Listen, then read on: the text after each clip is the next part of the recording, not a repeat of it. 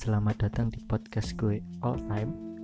Lama banget ya gue nggak nongol di podcast All Time gue sendiri. Memang uh, beberapa hari ini gue lagi sibuk nih Kegiatan kampus.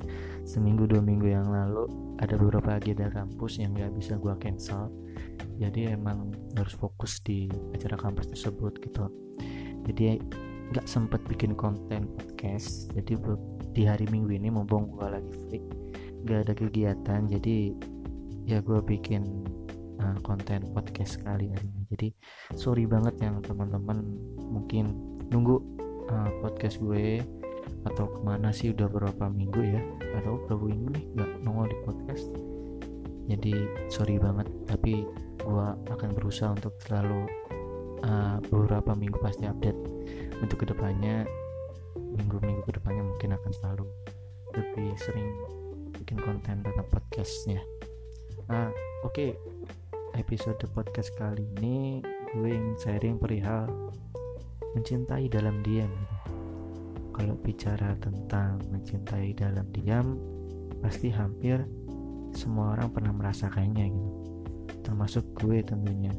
Jujur gue pernah sih jadi korban mencintai dalam diam gitu. Di mana suka sama seseorang tapi cuma menikmatinya dari jauh gitu. Ya mungkin bisa dikatakan kita bisa menikmati senyumnya dia tawanya dia. Intinya senang aja gitu bisa lihat dia meskipun tawa senyumnya bukan karena kita. Pasti antara ngenes atau merasa sedih sama bahagia sus susah bandingannya gitu ya. Karena bisa dia ketawa maupun senyum itu kita seneng aja bisa lihat doi yang kita suka bisa bahagia gitu. Tapi sedihnya itu itu senyum dan tawanya itu bukan karena kita gitu. Jadi emang rada-rada bimbang sih hati ini. Tapi itulah resiko dalam mencintai dalam diam salah satu resikonya sih pasti itu ya. Mungkin teman-teman juga pernah merasakan bagaimana mencintai dalam diam yang hanya mengagumi dari jauh tanpa bisa menjadi salah satu alasan dia tersenyum maupun tertawa. Nah, aku ingin sharing sih cerita pribadi gue sendiri gitu ya. Gue su pernah suka sama ceweknya. Waktu itu kalau nggak salah di semester 3 ya. Kalau nggak salah semester 3 sih kalau nggak salah itu. Aku pertama kali suka sama cewek dalam diam ya. Waktu itu sholat duhur sholat duhur di musola. Nah waktu itu si cewek ini lagi sholat. Dan gue mau sholat gitu. Nah gue mau sholat dia mau dia udah sholat. Terus entah kenapa kok tiba-tiba gue lihat dia gitu ya. Ih siapa sih ini cewek gitu ya? Penasaran dong. Terus gue tanya sama nah, itu gue lihat dia gila senyumnya manis banget. Tenang banget di hati gitu. Saat dia senyum saat dia ngomong aja saat dia ngomong tuh hati gue seneng banget gitu. Akhirnya pas itu gue cari tahu nih siapa nih cewek. Kan gue berdua nih sama temen gue yang datang ke musola tuh gue tanya eh lu kenal dia nggak? Ih ternyata dia nggak tahu gitu. Terus akhirnya gue cari tahu lagi ada nih temen gue tahu kenal dia gitu. Ih itu namanya ini gitu. Kota ini dia berasal dari sini gitu. Terus akhirnya akhirnya setelah itu gue tahu ternyata namanya ini asalnya ini.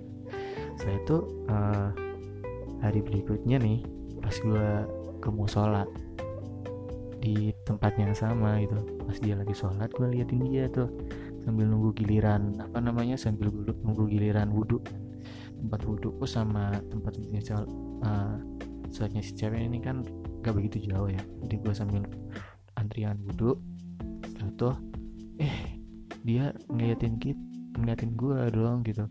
Gue ngeliatin dia dia ngeliatin gue gitu. Dan di situ gue merasa saltingnya minta ampun. Seneng sih seneng. Tapi di situ juga merasa malu juga gitu loh. Ada rasa malu juga di situ. Ya udah dong otomatis pas dia ngeliatin gue itu udahlah langsung cabut aja dari situ ya. Karena emang malunya minta ampun gitu. Kita nggak kenal dan uh, dia tiba-tiba sama ngeliatin gue juga gitu. Ya nggak tahu sih dia mungkin sekilas ngeliatin gue dan gue pas banget timingnya liatin dia juga gitu. Kayaknya karena emang niat gue kan cuma pengen apa namanya pengen suka dia. Maksudnya tidak ingin melangkah lebih jauh dalam fase berkenalan akhirnya gue ya sam ya cuma hanya menikmatin dia aja sih menikmatin dia dalam senyumnya dari jauh aja nggak berani untuk berkenalan gitu tapi uh, kalau kita itu uh, gini ya itu beberapa sharing gue ya tentang suka sama cewek dari jauh gitu ya. maksudnya suka sama cewek diam-diam itu gue banget lah sampai sekarang pun gue kalau suka sama cewek itu nggak pernah gue ngungkapin gitu. Gue selalu mendem lama setahun dulu gitu. Karena emang takut banget gitu takut untuk ngungkapin ke si cewek ini gitu loh. Kenalan pun gue gak pernah gue suka nih sama cewek. Mau kenalan itu ya susah banget. Susah banget untuk berkenalan dengan cewek gitu. Takut emang susah banget dengan sama cewek. Mungkin teman-teman pernah merasakan bagaimana susahnya berkenalan dengan cewek gitu. Atau berkenalan dengan lawan jenisnya gitu. Dan gue tuh goblok banget lah intinya berkenalan dengan lawan jenis atau sama cewek gitu. Tapi uh, ada beberapa sih alasan kenapa mencintai dalam diam itu asik gitu ya. Atau mencintai dalam diam itu lebih menikmati gitu ya menikmati cinta. Mungkin ada beberapa alasan itu ya. Yang pertama mungkin uh, masa lalunya tak begitu indah dalam percintaan gitu ya. Jadi uh, seseorang yang mencintai dalam diam ini rata-rata dia itu takut. Karena ada rasa takut masa lalu yang menutupi dia untuk mengungkapkan atau untuk berkenalan gitu ya. Akhirnya rasa takut itu terus menghantuinya dia gitu jadi di mana nih si cowok nih pengen ngungkapin tapi karena masa lalunya si cowok ini begitu sakit hati banget gitu ya pernah ditinggalin pacarnya mantannya dulu terus pernah diselingkuhin mantannya pernah dimainin atau pernah di uh, intinya yang jelek-jelek tentang kisah percintaan tuh pernah pernah ditelennya pernah dirasakannya itu akhirnya masa lalu yang suram ini masa lalu yang paling uh, terus muncul gitu loh di hari-harinya dia. Jadi rasa takut untuk menginjak atau untuk membuka halaman baru tentang kisah cinta dia tuh selalu gagal gitu loh. Akhirnya salah satu cara untuk menikmati cinta itu adalah mencintai dia dalam diam. Menikmati dia dari jauh. Men mem uh, memberikan dia support semangat hanya sekedar say hello atau apa pun itu yang dari jauh tidak berani secara uh, intens gitu. Karena emang mencintai dalam diam itu mempunyai batas tersendiri. Beda kalau kita mencintai dia sepenuhnya gitu ya. Terus uh, yang kedua adalah takut keluar dari zona nyaman mungkin. Takut keluar dari zona nyaman. Nah ini nih. Mungkin teman-teman yang terlalu lama menjomblo atau sendiri karena sudah terlalu asik dengan dunianya. Akhirnya uh, untuk menginjak ke fase yang lebih seperti fase perkenalan atau fase berpacaran itu rada-rada males gitu ya karena ada hubungannya di alasan pertama tapi karena terlalu nyaman ya kita terlalu nyaman sendiri atau terlalu nyaman dengan circle dia tidak berani untuk melangkah ke fase berikutnya. Jadi ya yaudah kita stagnan aja gitu. Nggak berani mengungkapkan Eh, nggak uh, berani mengungkapkan nggak berani untuk melangkah selanjutnya ya udah. Aku masih nyaman kok di jomblo ini masih happy happy aja gitu ya. Aku udah capek disakitin capeknya atau aku udah aku udah lelah dibohongin aku nyaman banget nih sama si pemenuh jadi aku udah ya udahlah aku kalau suka dia ya udah aku nikmatin dia dari jauh aja aku mencintainya dari dia aja gitu. Terus yang ketiga mungkinnya uh, lebih mengerti posisi. Nah ini nih yang rada-rada susah nih. Lebih mengerti posisi juga. Sering gak sih teman-teman? Pasti nih kalau misalnya lagi suka nih sama doi gitu. Pasti teman-teman tuh uh, stalking gitu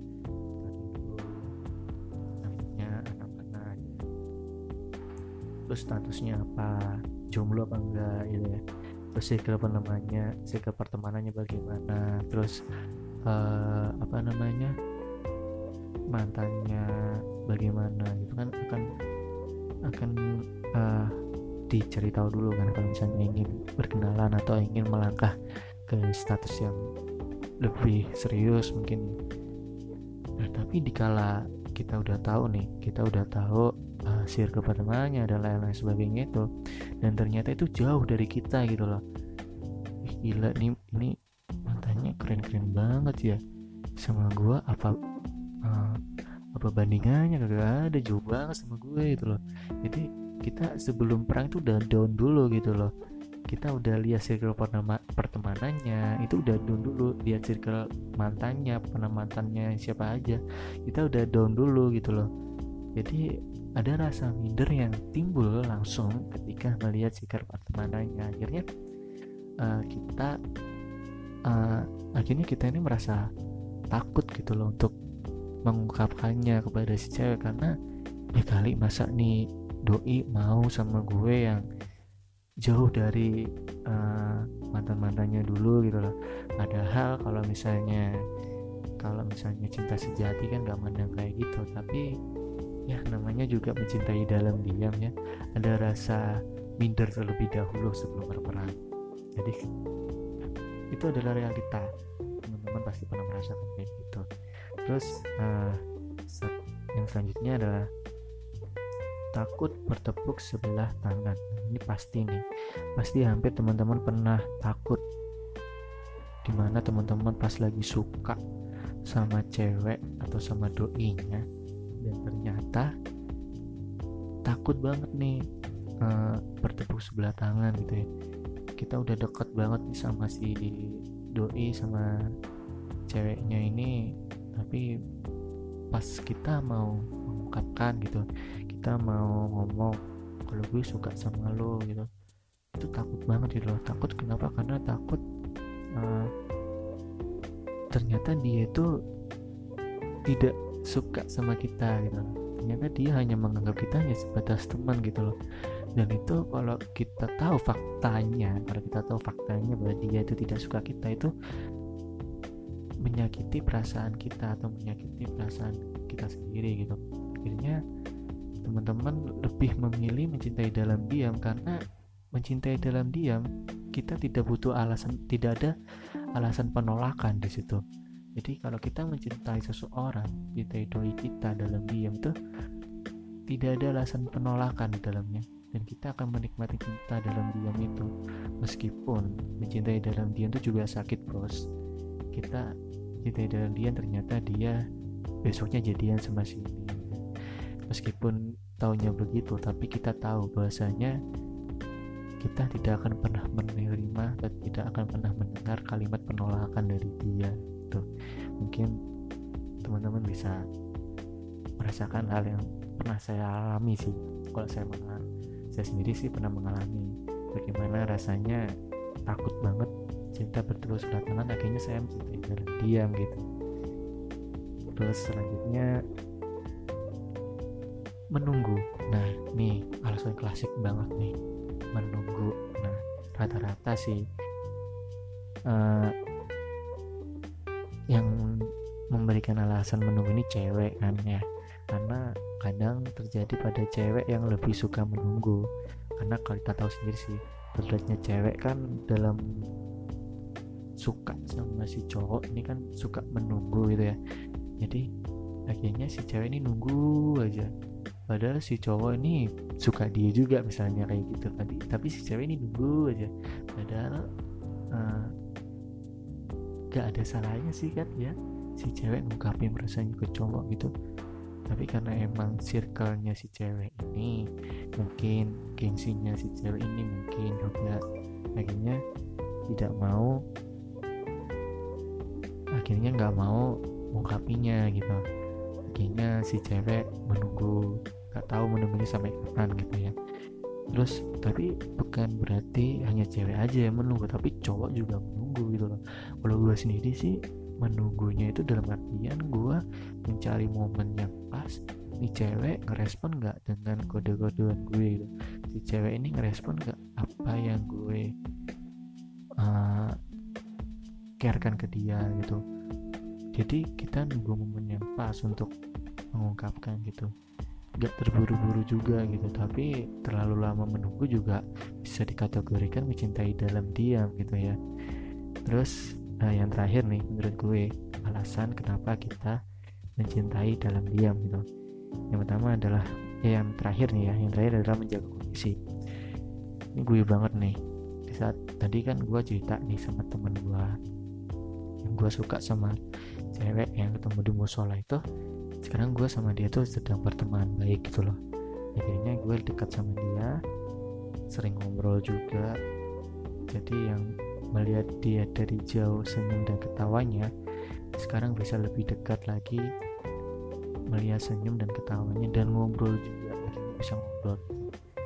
Tapi di sisi lain gue nggak berani ngungkapin perasaan karena gue sendiri pun nggak mau merusak suasana yang ada gitu. Gue takut di saat gue ngungkapin perasaan gue gitu saat gue ngungkapin perasaan gue gue akan merusak uh, suasana yang ada gitu. Suasana circle pertemanan gue yang udah gue bangun sama dia gitu loh. Intinya gue nggak mau merusak uh, pertemanan ini hanya karena rasa suka gue gitu. Ya inilah resiko mencintai dalam dia bila gue hanya mengagumi dia dari jauh gue hanya bisa mendoakan dia dari jauh. Akhirnya ya udah sampai saat ini dia nggak bakal tahu apa yang gue rasa gitu. Yang entah sih kalau ke depannya mungkin Tuhan berkata lain mungkin ya kalau kita emang ditakdirkan untuk bersama uh, semesta menakdirkan untuk kita bersatu mungkin beda lagi ceritanya. Tapi untuk saat ini mungkin gue sendiri pun lebih nyaman mencintai dia dalam diam gitu ya uh, tapi di sisi lain sedih juga sih saat uh, eh, gue suka sama seseorang tapi nggak ada nyali sama sekali untuk mengungkapinya gitu ya. Pada akhirnya orang yang jatuh cinta diam-diam hanya bisa mendoakan. Mereka cuma bisa mendoakan setelah capek berharap. Pengharapan yang ada dari dulu yang tumbuh dari mulai kecil sekali hingga makin lama makin besar lalu semakin lama semakin jauh. Orang yang jatuh cinta diam-diam pada akhirnya menerima. Orang yang jatuh cinta diam-diam paham bahwa kenyataan terkadang berbeda dengan apa yang kita inginkan. Terkadang yang kita inginkan bisa jadi yang tidak sesungguhnya kita butuhkan. Dan sebenarnya yang kita butuhkan hanya merelakan. Orang yang jatuh cinta diam-diam hanya bisa seperti yang mereka selalu lakukan jatuh cinta sendirian. Jadi uh, jatuh cinta diam-diam itu nggak salah. Jatuh cinta diam-diam itu nggak benar. Maksudnya ya udah kita nikmatin aja circle-nya ini. Mungkin yang nyaman dengan cinta dalam diam monggo lanjutkan. Atau mungkin yang tidak nyaman dengan cinta dalam diam-diam monggo ungkapkan gitu loh. Gue percaya uh, takdir Tuhan gitu.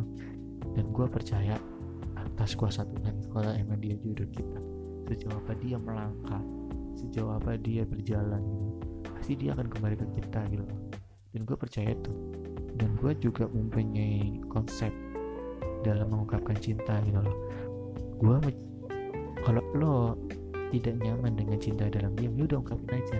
Tapi jangan pernah berharap untuk menerima jangan pernah berharap untuk cinta lo bakal terima atau akan menikah atau lain sebagainya yang intinya sesuai dengan harapan lo gitu.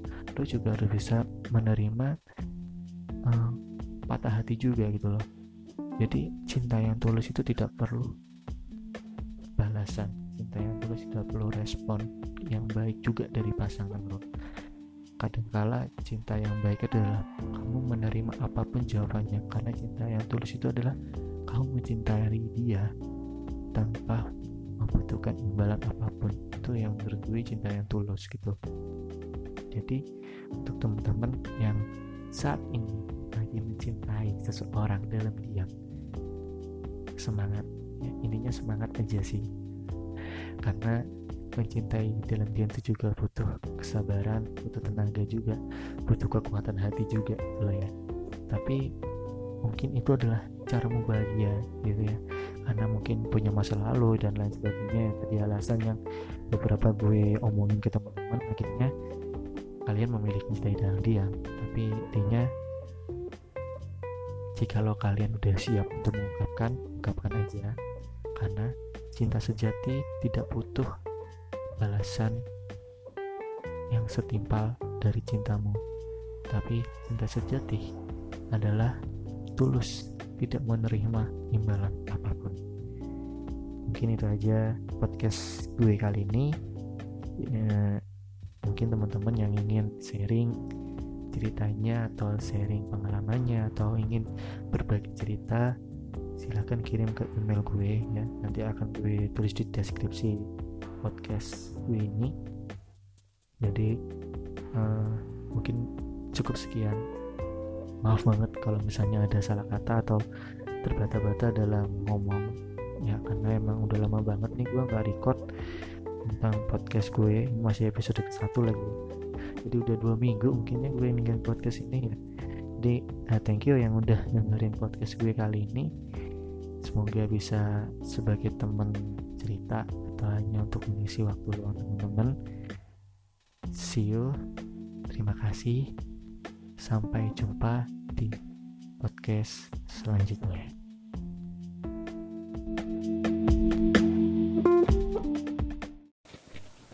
Halo, uh, selamat datang di podcast gue all time.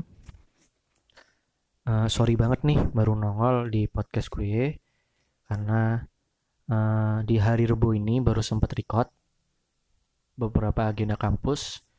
Tempo tempo hari kemarin gak bisa gue cancel, jadi hari-hari gue sibuk banget di kampus dan kemarin pas tanggal 23-24 Indonesia kan heboh mahasiswa turun aksi di jalan dan kebetulan gue juga turun aksi dan gue juga masuk di salah satu media di media uh, media sosial berita media sosial jadi gue fokus kemarin beberapa hari kemarin ke media tersebut. Jadi waktu gue terbagi antara kuliah dengan media kemarin dan baru sempat uh, record podcast gue kali ini di hari Rabu. Uh, sebelumnya gue mau ngucapin makasih nih buat teman-teman yang udah kirim ceritanya uh, di email gue. Terima kasih banget uh, teman-teman udah mau berbagi ceritanya di podcast gue all time. Ada beberapa cerita yang masuk dan sorry banget nih bagi teman-teman yang ceritanya emang gak sempet gue uh, gak sempet gue record di podcast gue all time sorry banget. Mungkin di episode selanjutnya gue akan masukin ceritanya teman-teman yang udah masuk email gue gitu. Uh, sebelumnya gue mau ngucapin happy graduation buat salah so seseorang uh, yang kemarin baru lulus di salah satu perguruan tinggi negeri kota Malang. Selamat udah selesai pendidikannya. Semoga apa yang kamu cita-citakan kamu dambakan segera terkabul oleh Tuhan. Dan jangan lupa bikin mama papamu bangga. Dan kamu jangan lupa satu lagi berguna bagi masyarakat sekitar. Itu penting jadi happy graduation buat kamu. Uh, langsung aja ya. Uh, udah lama gak record jadi ngomongnya rada kaku ya. Memang udah seminggu lebih gua nggak record. Jadi uh, emang rada kaku. Jadi gue langsung aja wes ya ke email. Ada email masuk. Jadi namanya ini dia itu minta di privacy banget namanya. Segala sesuatu yang mau yang dapat mengungkapkan identitas dia mau untuk di privacy jadi gua untuk mempermudah ceritanya teman-teman agar paham tentang alur ceritanya gue akan ganti namanya si pengirimnya ini mulai dari namanya dan pasangannya agar teman-teman dapat mudah untuk mendengar ceritanya. Nah, si pengirim ini namanya gue ganti jadi Anto dan ceweknya gue ganti namanya Dinda gitu agar nanti mudah untuk uh, teman-teman memahami alur ceritanya gitu. Jadi si Anto ini mempunyai pacar namanya Dinda.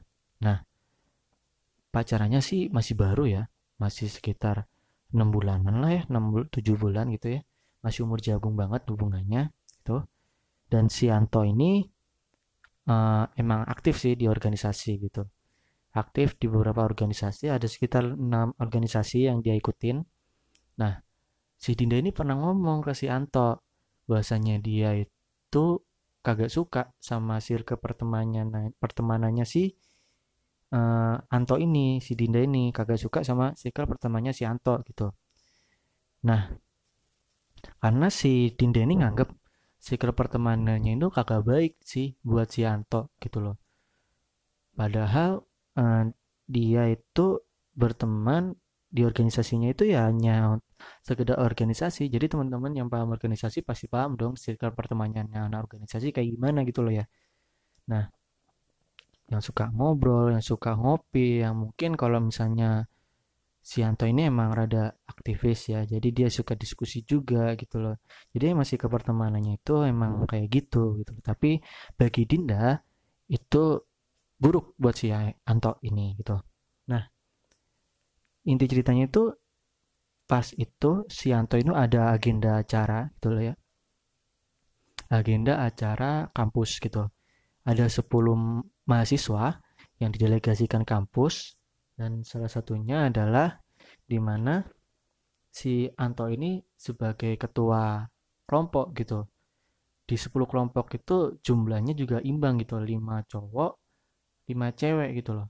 Jadi secara tak langsung si Anto ini uh, jadi secara tak langsung ini mereka itu sering bareng gitu loh. Sering bareng, sering apa namanya sering goncengan bareng karena emang siklus pertemanannya kayak gitu. Karena si Antonya juga ketua kelompok jadi mengayomi lah ceritanya kayak gitu. Nah pernah sih jadi pas itu si Anto itu goncengan sama cewek ya. Nah temennya si temannya si Dinda ini itu ngomong sama Dinda eh pacar lu goncengan sama si ini nih gitu nah si Anto sebelumnya itu ngomong udah udah ngomong udah izin gitu loh. Gua aku nanti mau bonceng teman kelompokku nih gitu. Ada kerjaan bareng gitu. Nah si Dinda ini is oke oke aja bilangnya sih gitu ke, ke Anto gitu loh. Pas pas gitu ditanya sih sama si Anto eh kamu cemburu nggak? gitu. Ternyata enggak gitu. Ya udah dong Anto fine fine aja dong. Kalau udah dibilang dia udah izin dan dia udah tanya sih sama si Dinda ini dia cemburu enggak gitu? Ternyata enggak gitu eh tapi si Dinda ini malah curhat sama temennya temennya dia itu temennya Dinda itu. Dia curhat sama best friendnya gitu sih ceritanya. Terusnya itu dia sebenarnya cemburu gitu ngelihat si Anto ngoncengan sama si ceweknya teman timnya ini gitu loh. Nah inilah di mana uh, timbul beberapa perspektif ya di sini. Bahasanya si Dinda ini nggak open gitu loh sebenarnya sama si Anto gitu loh. Nah, lanjut cerita. Si si Dinda ini nganggap si Anto itu terlalu open gitu loh. Terlalu open sama temen cewek-ceweknya Anto gitu. Entah kenapa kok bisa punya anggapan gitu, aku nggak nggak tahu sih. Karena si Anto nggak jelasin secara gamblang gimana kok bisa nganggap open gitu tapi menurut si Dinda nah menurut si Dinda itu Anto itu mau-mau aja gitu loh diajak keluar bareng temen cewek-ceweknya gitu loh. Tapi keluar dalam konteks ini tuh ada agenda gitu loh. Ada agenda tersendiri karena kebetulan kan tadi gue sebelumnya udah bilang bahasanya Anto ini adalah salah satu ketua kelompok tersebut. Jadi diajak keluar itu dalam konteks untuk membahas salah satu uh, organisasinya tersebut gitu. Nah tapi karena si Dinda ini udah gak serak ya sama circle pertemanannya Anto yang dari awal. Jadi rasa nggak seraknya itu ditularkan ke rasa cemburunya. Akhirnya sering cekcok sering berantem gitu antara hubungan si Anto sama si Dinda ini gitu. Terus si Anto juga cerita bahasanya di salah satu organisasinya. Kan dia ikut banyak banget nih organisasi ini ya. Nah di salah satu organisasinya ini aku juga nggak bisa menyimpulkan itu negatif apa enggak gitu loh.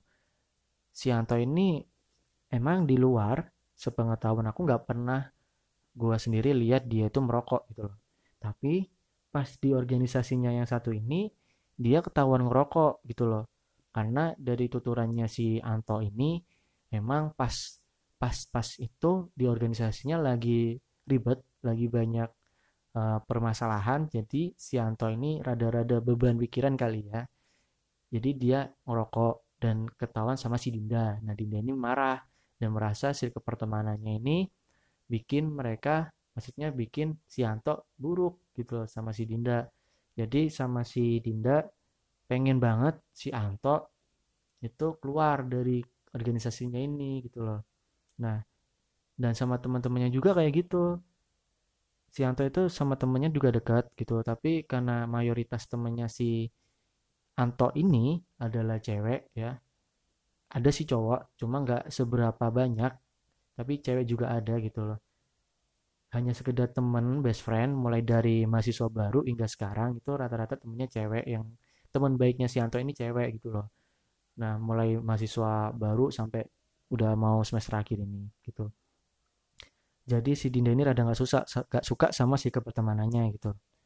Nah pernah sih waktu itu sahabatnya itu pas lagi ada di suatu daerah gitu ingin uh, boncengan sama si Anto gitu. Karena pas itu ada acara di kampus. Dan kebetulan si Anto juga ingin balik ke kampus gitu loh.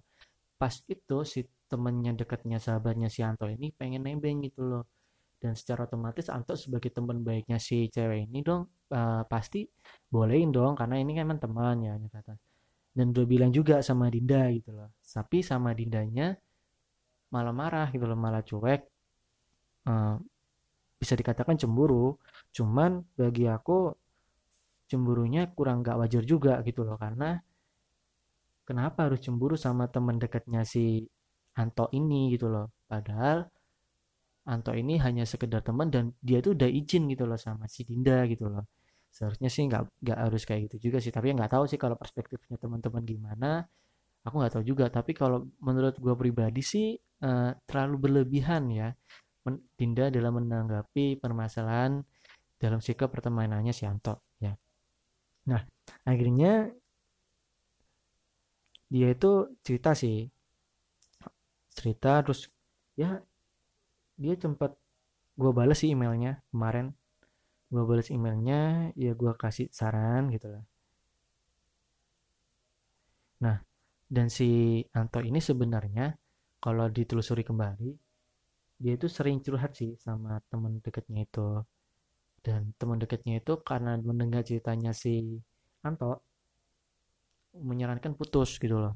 Nah menyarankan putus dari si Dinda karena emang si Dindanya terlalu over mungkin ya dalam uh, mengkengkang mengkekang pertemanannya sirke pertamanya si Anto gitu loh ya. Nah tapi karena si Anto ini masih sayang dan di satu sisi sayang dan pengen banget intinya si Anto ini pengen banget masih sama Dinda gitu loh.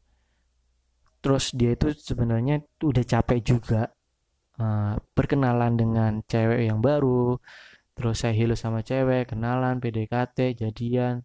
Si Anto udah capek jadi dia mempertahankan hubungannya sama Dinda gitu akhirnya. Nah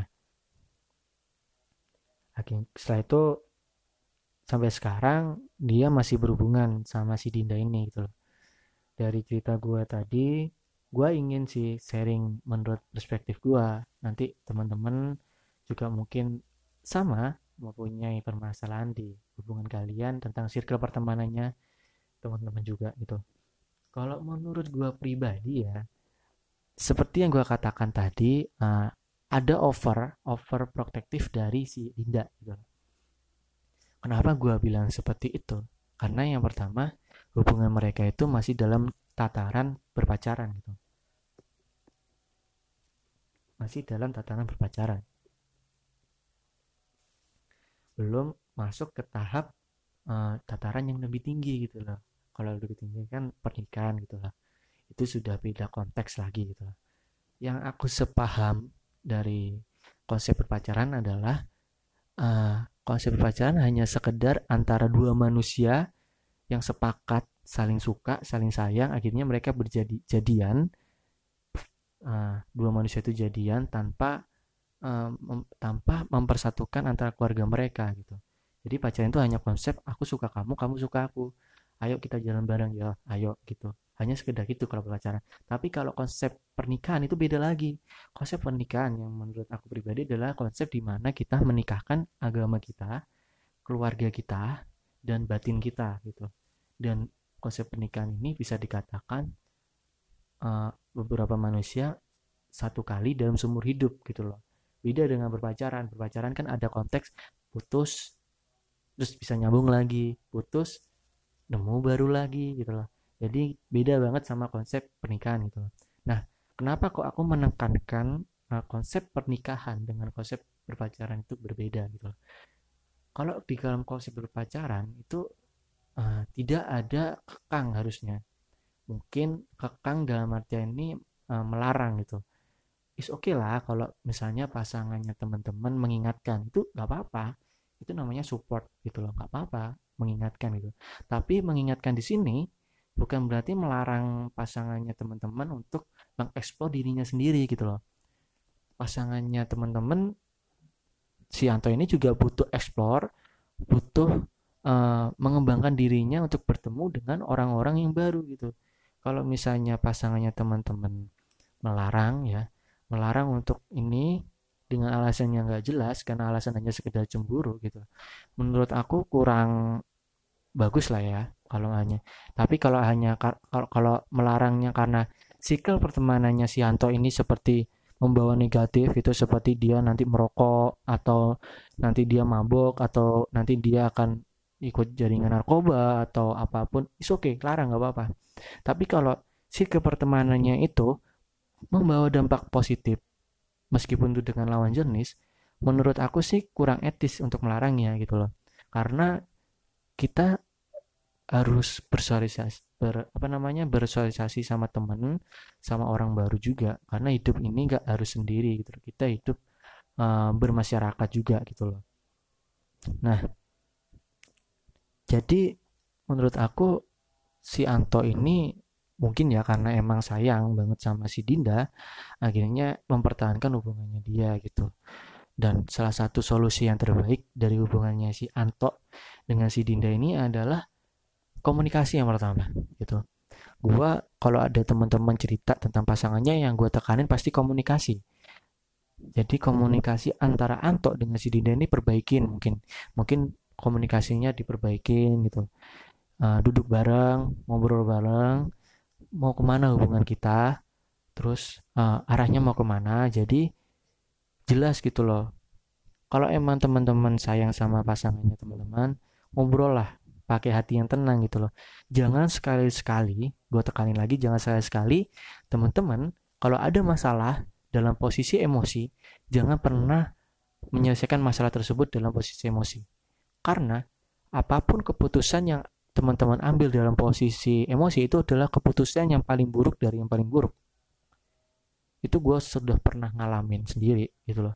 Berapa bulan kemarin gue pernah ngalamin di mana gue emosi akhirnya gue memutuskan untuk mengakhiri segalanya dan akhirnya ada rasa penyesalan di kemudian hari. Tapi alhamdulillah sekarang udah gue udah nggak tekankan lagi udah gue udah move udah bisa uh, beraktivitas lebih baik lagi Nah, di sini yang pertama tadi ada komunikasi.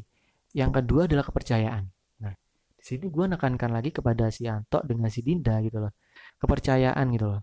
Nah, kita ini sudah di umur bukan di umur SMA gitu. Kalau SMA kan mungkin masih cinta monyet gitu, takaran cinta monyet.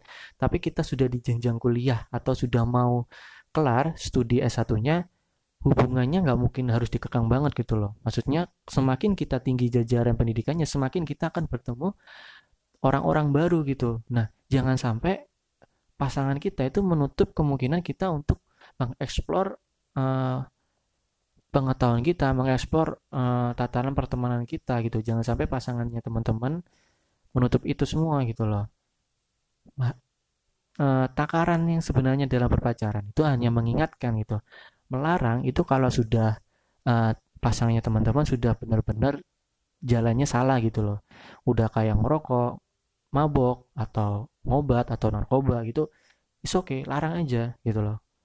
Karena itu sudah merusak uh, segala hal dalam hidupnya gitu loh. Tapi kalau hanya sekedar organisasi berdiskusi ataupun hanya sekedar membantu teman atau lagi temennya itu adalah teman lamanya dia sahabatnya dia mulai dari mahasiswa gitu loh. Jadi gak etis juga kita sebagai pasangan melarang-melarang dia berteman dengan siapa pun gitu. Gue tuh punya temen gue tuh punya temen sih dulu. Jadi dia itu emang bucin atau budak cinta ya. Bisa dikatakan budak cinta dari pasangannya ini. Jadi gue itu temen deket banget gitu. Gue ke mana-mana sama dia gue main sama dia gue ngopi sama dia nongkrong sama dia diskusi sama dia pokoknya hampir sama dia gitu loh. Tapi pas dia punya pacar dia itu susah banget gitu loh. Ayo ngopi lagi yuk ayo diskusi ayo nongkrong gitu. Sama teman-teman udah lama nih gak nongkrong sama teman-teman yuk ngopi gitu. Tapi ternyata dia itu selalu ada punya alasan tersendiri untuk menghindar menghindari dari kita gitu semenjak dia punya pacar gitu. Dan dia tuh alasannya aku lagi sibuk ini nih aku lagi sibuk ini nih. Dan ternyata uh, ternyata pas dia alasan gitu kita tetap nongkrong sama teman-teman circle pertemananku. Eh ketahuan dong dia lagi uh, kencan lagi bucin itu sama pacarnya. Ya kita ya sebenarnya sih itu hak-haknya dia gitu loh. Tapi yang aku selesai di sini kenapa sih nggak jujur aja gitu kalau dia mau keluar sama pacarnya gitu loh? Kenapa kok harus bohong? Itu yang pertama yang gue kecewain sih dari itu. Dan akhirnya pas kemarin pas si temen gue putus ya temen gue putus sama pasangannya nggak tahu kenapa nggak tahu kenapa putusnya dia kembali lagi nih ke circle namanya yang lama yang gua gua ini. Ya gua sama teman-teman rada nggak respect dong apa yang pernah dia lakuin ke kita nggak respect juga gitu loh. Dia sendiri telah memutus circle pertemanannya gue sama dia dulu dan dia mau nyambung lagi ya kita nggak respect dong. Nah dari apa yang gue cerita ini semoga ada pelajaran buat Anto gitu loh. Lebih tegas lagi sama pasangannya gitu loh. Karena belum tentu si Dinda ini juga jodoh lo gitu loh. Belum tentu si Dinda ini jodoh lo juga gitu loh. Jadi lebih dewasa lagi pikirannya lebih bisa memilih lebih bijak gitu. Selagi hubungan lo bisa diperbaikin dan diomongin baik-baik omongin baik-baik. Omongin baik-baik buat komitmen baik-baik. Karena hubungan yang baik dan hubungan yang uh, langgeng hingga ke jenjang pernikahan itu nggak gampang gitu loh. Ada selalu selalu ada step permasalahan, step permasalahan dan step permasalahan yang akan timbul. Dan di situ kamu harus melaluinya. Antara kamu harus melaluinya dengan sabar atau kamu harus melaluinya dengan menyerah gitu loh. Tinggal kamu pilih yang mana gitu loh. Tapi kalau emang kamu meyakini si Dinda ini adalah kamu pengen ingin pertahanin, oke pertahankan. Ajak ngomong baik-baik, aja komitmen yang baik-baik bikin Dinda itu percaya kalau kamu itu nggak bakal aneh-aneh gitu loh. Dan gue tahu sih Anto ini emang orangnya nggak pernah aneh-aneh sama cewek lain gitu. Emang dia orangnya tipikal orang yang setia gitu. Ya semoga aja si Anto ini tidak mengecewakan si Dinda kalau emang hubungannya masih bisa dipertahanin uh, mungkin itu aja sih yang bisa gue share ke teman-teman sekalian. Mungkin uh, bisa gue lanjutin di episode ketiga cerita-cerita teman-teman yang udah ngirim ke email gue. Thank you banget ya yang udah ngirim ceritanya ke email. Uh, cukup sekian. Uh, terima kasih. Eh satu lagi dong. Uh, aku pribadi ingin mengucapkan terima kasih buat teman-teman yang udah support gue mulai kemarin udah bikin gue bangkit bikin semangat lagi buat nyelesain masalah. Thank you banget buat teman-teman. Intinya terima kasih banyak buat teman-teman lainnya. Mungkin itu aja sih dari saya. Terima kasih. Jangan lupa uh, share podcast gue siapa tahu teman-teman ada yang mau punya permasalahan yang sama seperti Anto dan Dinda. See you. Selam, uh, sampai jumpa di episode ketiga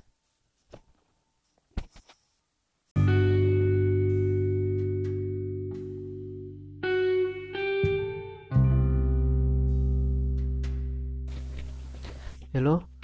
Uh, selamat datang di podcast gue all time. Uh, sorry banget nih baru nongol di podcast gue karena uh, di hari Rebu ini baru sempat record beberapa agenda kampus. Tempo tempo hari kemarin gak bisa gue cancel, jadi hari-hari gue sibuk banget di kampus dan kemarin pas tanggal 23-24 Indonesia kan heboh mahasiswa turun aksi di jalan dan kebetulan gue juga turun aksi dan gue juga masuk di salah satu media di media uh, media sosial berita media sosial. Jadi gue fokus kemarin beberapa hari kemarin ke media tersebut. Jadi waktu gue terbagi antara kuliah dengan media kemarin dan baru sempet uh, record podcast gue kali ini di hari Rabu uh, sebelumnya gue mau ngucapin makasih nih buat teman-teman yang udah kirim ceritanya uh, di email gue. Terima kasih banget. Uh, teman-teman udah mau berbagi ceritanya di podcast gue all time. Ada beberapa cerita yang masuk dan sorry banget nih bagi teman-teman yang ceritanya emang gak sempet gue uh, gak sempet gue record di podcast gue all time. Sorry banget mungkin di episode selanjutnya gue akan masukin ceritanya teman-teman yang udah masuk email gue gitu. Uh, sebelumnya gue mau ngucapin happy graduation buat salah so seseorang uh, yang kemarin baru lulus di salah satu perguruan tinggi negeri Kota Malang. Selamat udah selesai pendidikannya. Semoga apa yang kamu cita-citakan kamu dambakan segera terkabul oleh Tuhan. Dan jangan lupa bikin mama papamu bangga. Dan kamu jangan lupa satu lagi berguna bagi masyarakat sekitar. Itu penting. Jadi happy graduation buat kamu. Uh, langsung aja ya. Uh, udah lama gak record jadi ngomongnya rada kaku ya. Memang udah seminggu lebih gua nggak record. Jadi uh, emang rada kaku jadi gue langsung aja wes ya ke email. Ada email masuk. Jadi namanya ini dia itu minta di privacy banget namanya. Segala sesuatu yang mau yang dapat mengungkapkan identitas dia mohon untuk di privacy. Jadi gua untuk mempermudah ceritanya teman-teman agar paham tentang alur ceritanya gue akan ganti namanya si pengirimnya ini mulai dari namanya dan pasangannya agar teman-teman dapat mudah untuk mendengar ceritanya. Nah, si pengirim ini namanya gue ganti jadi Anto dan ceweknya gue ganti namanya Dinda gitu agar nanti mudah untuk uh, teman-teman memahami alur ceritanya itu. Jadi si Anto ini mempunyai pacar namanya Dinda. Nah, pacarannya sih masih baru ya, masih sekitar enam bulanan lah ya, 6 7 bulan gitu ya. Masih umur jagung banget hubungannya tuh. Dan si Anto ini uh, emang aktif sih di organisasi gitu. Aktif di beberapa organisasi, ada sekitar enam organisasi yang dia ikutin. Nah, si Dinda ini pernah ngomong ke si Anto bahasanya dia itu itu kagak suka sama circle pertemanannya pertemanannya si uh, Anto ini si Dinda ini kagak suka sama circle pertemanannya si Anto gitu. Nah karena si Dinda ini nganggep circle pertemanannya itu kagak baik sih buat si Anto gitu loh. Padahal uh, dia itu berteman di organisasinya itu ya hanya sekedar organisasi. Jadi teman-teman yang paham organisasi pasti paham dong circle pertemanannya anak organisasi kayak gimana gitu loh ya. Nah yang suka ngobrol yang suka ngopi yang mungkin kalau misalnya si Anto ini emang rada aktivis ya jadi dia suka diskusi juga gitu loh. Jadi masih ke pertemanannya itu emang kayak gitu gitu. Tapi bagi Dinda itu buruk buat si Anto ini gitu. Nah inti ceritanya itu pas itu si Anto itu ada agenda acara gitu loh ya? Agenda acara kampus gitu. Ada 10 mahasiswa yang didelegasikan kampus dan salah satunya adalah di mana si Anto ini sebagai ketua kelompok gitu. Di 10 kelompok itu jumlahnya juga imbang gitu 5 cowok 5 cewek gitu loh. Jadi secara tak langsung si Anto ini. Uh, jadi secara langsung ini mereka itu sering bareng gitu loh. Sering bareng sering apa namanya sering gonceng bareng karena emang siklus pertemanannya kayak gitu. Karena si Antonya juga ketua kelompok jadi mengayomi lah ceritanya kayak gitu. Nah pernah sih jadi pas itu si Anto itu goncengan sama cewek ya nah temennya si temannya si Dinda ini tuh ngomong sama Dinda eh pacar lu goncengan sama si ini gitu. Nah si Anto sebelumnya itu ngomong udah udah ngomong udah izin gitu loh. Gua aku nanti mau bonceng teman kelompokku nih gitu. Ada kerjaan bareng gitu. Nah si Dinda ini is oke oke aja bilangnya sih gitu ke, ke Anto gitu loh. Pas pas gitu ditanya sih sama si Anto eh kamu cemburu nggak? Gitu.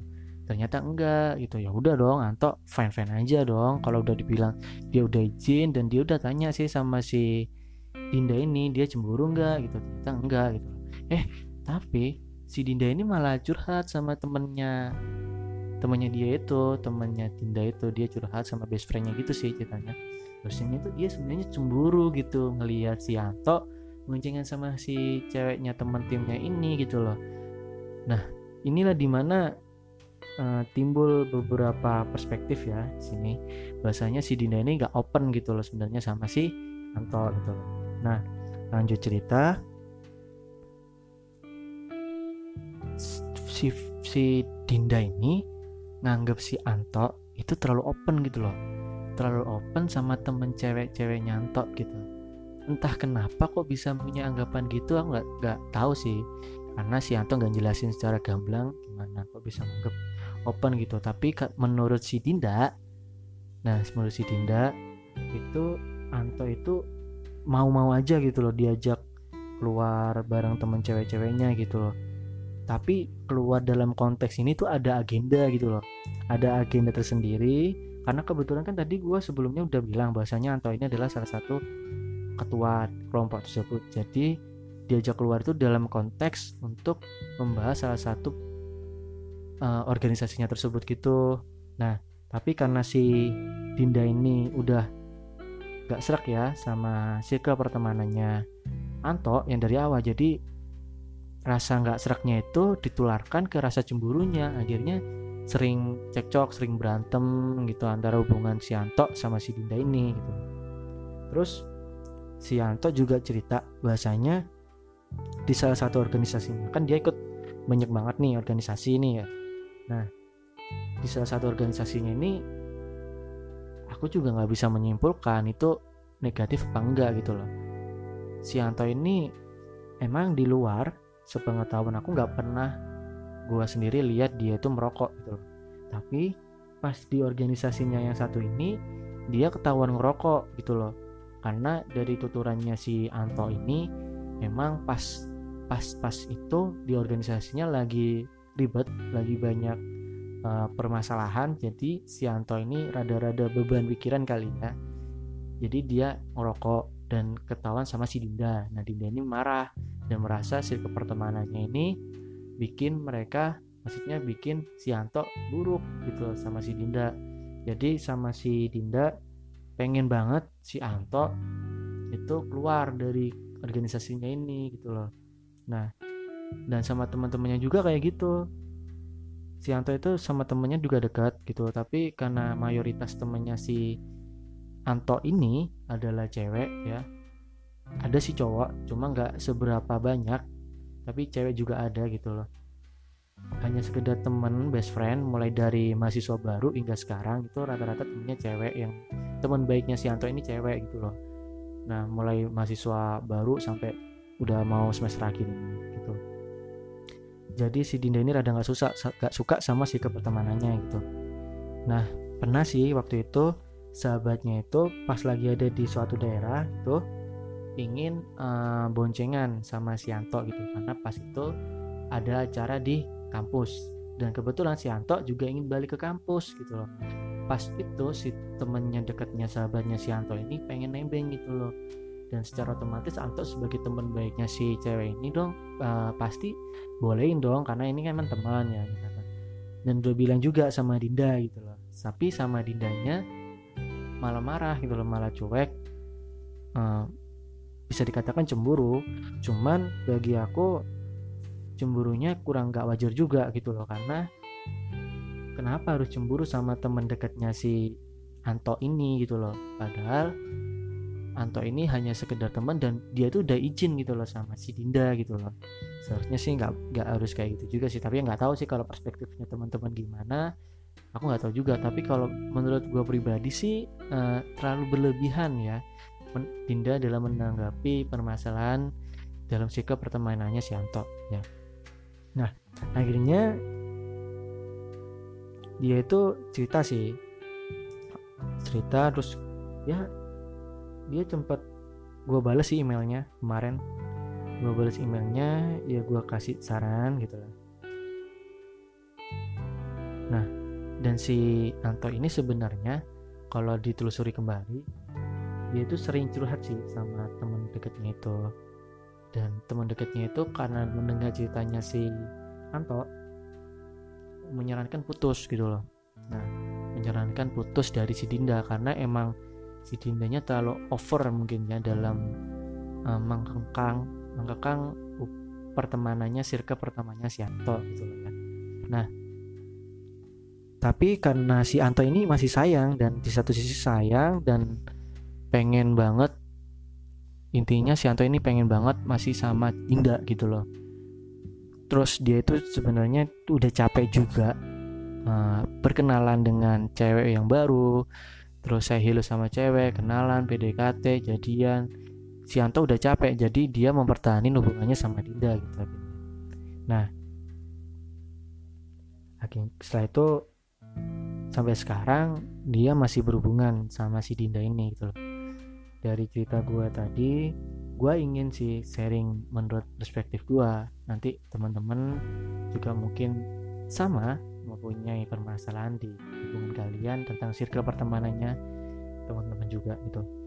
Kalau menurut gue pribadi ya seperti yang gue katakan tadi uh, ada over over protektif dari si Ida kenapa gue bilang seperti itu? Karena yang pertama hubungan mereka itu masih dalam tataran berpacaran masih dalam tataran berpacaran.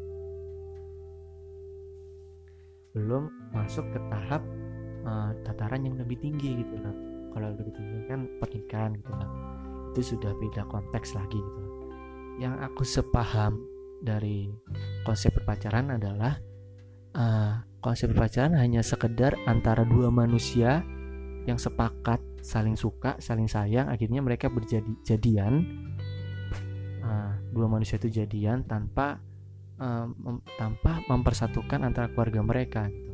Jadi pacaran itu hanya konsep aku suka kamu kamu suka aku. Ayo kita jalan bareng. Ya ayo gitu. Hanya sekedar gitu kalau pacaran. Tapi kalau konsep pernikahan itu beda lagi. Konsep pernikahan yang menurut aku pribadi adalah konsep di mana kita menikahkan agama kita keluarga kita dan batin kita gitu. Dan konsep pernikahan ini bisa dikatakan uh, beberapa manusia satu kali dalam seumur hidup gitu loh. Beda dengan berpacaran. Berpacaran kan ada konteks putus terus bisa nyambung lagi. Putus nemu baru lagi gitu loh. Jadi beda banget sama konsep pernikahan itu. Nah kenapa kok aku menekankan uh, konsep pernikahan dengan konsep berpacaran itu berbeda? Gitu kalau di dalam konsep berpacaran itu uh, tidak ada kekang harusnya mungkin kekang dalam artian ini uh, melarang gitu. Is oke okay lah kalau misalnya pasangannya teman-teman mengingatkan itu nggak apa-apa. Itu namanya support gitu loh nggak apa-apa mengingatkan gitu. Tapi mengingatkan di sini bukan berarti melarang pasangannya teman-teman untuk mengeksplor dirinya sendiri gitu loh. Pasangannya teman-teman si Anto ini juga butuh explore butuh uh, mengembangkan dirinya untuk bertemu dengan orang-orang yang baru gitu kalau misalnya pasangannya teman-teman melarang ya melarang untuk ini dengan alasan yang nggak jelas karena alasan hanya sekedar cemburu gitu. Menurut aku kurang bagus lah ya kalau hanya. Tapi kalau hanya kalau kalau melarangnya karena sikap pertemanannya si Anto ini seperti membawa negatif itu seperti dia nanti merokok atau nanti dia mabuk atau nanti dia akan ikut jaringan narkoba atau apa pun is oke okay, larang nggak apa-apa. Tapi kalau si kepertemanannya itu membawa dampak positif meskipun itu dengan lawan jenis menurut aku sih kurang etis untuk melarangnya gitu loh.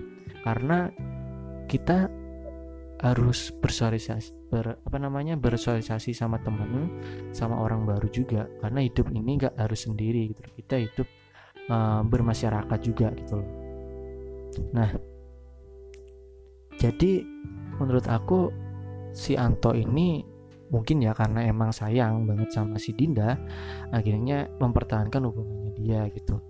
Dan salah satu solusi yang terbaik dari hubungannya si Anto dengan si Dinda ini adalah komunikasi yang pertama gitu.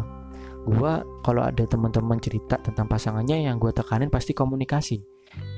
Jadi komunikasi antara Anto dengan si Dinda ini perbaikin mungkin. Mungkin komunikasinya diperbaikin gitu. Uh, duduk bareng ngobrol bareng mau ke mana hubungan kita terus uh, arahnya mau ke mana jadi jelas gitu loh. Kalau emang teman-teman sayang sama pasangannya teman-teman ngobrol lah pakai hati yang tenang gitu loh. Jangan sekali-sekali gue tekanin lagi jangan sekali-sekali teman-teman kalau ada masalah dalam posisi emosi jangan pernah menyelesaikan masalah tersebut dalam posisi emosi karena apa pun keputusan yang teman-teman ambil dalam posisi emosi itu adalah keputusan yang paling buruk dari yang paling buruk. Itu gue sudah pernah ngalamin sendiri gitu loh. Berapa bulan kemarin gue pernah ngalamin di mana gue emosi akhirnya gue memutuskan untuk mengakhiri segalanya dan akhirnya ada rasa penyesalan di kemudian hari. Tapi alhamdulillah sekarang udah gua udah nggak tekankan lagi udah gua udah move udah bisa uh, beraktivitas lebih baik lagi. Nah di sini yang pertama tadi ada komunikasi yang kedua adalah kepercayaan. Nah di sini gua nekankan lagi kepada si Anto dengan si Dinda gitu loh. Kepercayaan gitu loh. Nah kita ini sudah di umur bukan di umur SMA gitu. Kalau SMA kan mungkin masih cinta monyet gitu takaran cinta monyet. Tapi kita sudah di jenjang kuliah atau sudah mau kelar studi S1 nya hubungannya nggak mungkin harus dikekang banget gitu loh. Maksudnya semakin kita tinggi jajaran pendidikannya semakin kita akan bertemu orang-orang baru gitu. Nah jangan sampai pasangan kita itu menutup kemungkinan kita untuk mengeksplor uh, pengetahuan kita mengeksplor uh, tatanan pertemanan kita gitu. Jangan sampai pasangannya teman-teman menutup itu semua gitu loh. Uh, takaran yang sebenarnya dalam berpacaran itu hanya mengingatkan gitu melarang itu kalau sudah uh, pasangannya teman-teman sudah benar-benar jalannya salah gitu loh. Udah kayak ngerokok mabok atau ngobat atau narkoba gitu is oke okay, larang aja gitu loh. Karena itu sudah merusak uh, segala hal dalam hidupnya gitu loh. Tapi kalau hanya sekedar organisasi, berdiskusi ataupun hanya sekedar membantu teman atau lagi temennya itu adalah teman lamanya dia, sahabatnya dia mulai dari mahasiswa gitu. Jadi gak etis juga kita sebagai pasangan melarang-melarang dia berteman dengan siapa pun gitu. Gua tuh punya teman, gua tuh punya teman sih dulu. Jadi dia itu emang bucin atau budak cinta ya. Bisa dikatakan budak cinta dari pasangannya ini.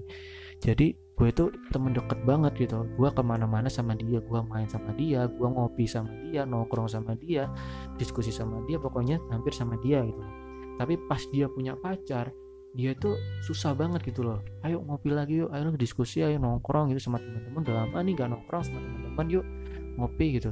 Tapi ternyata dia itu selalu ada punya alasan tersendiri untuk menghindari menghindari dari kita gitu semenjak dia punya pacar gitu.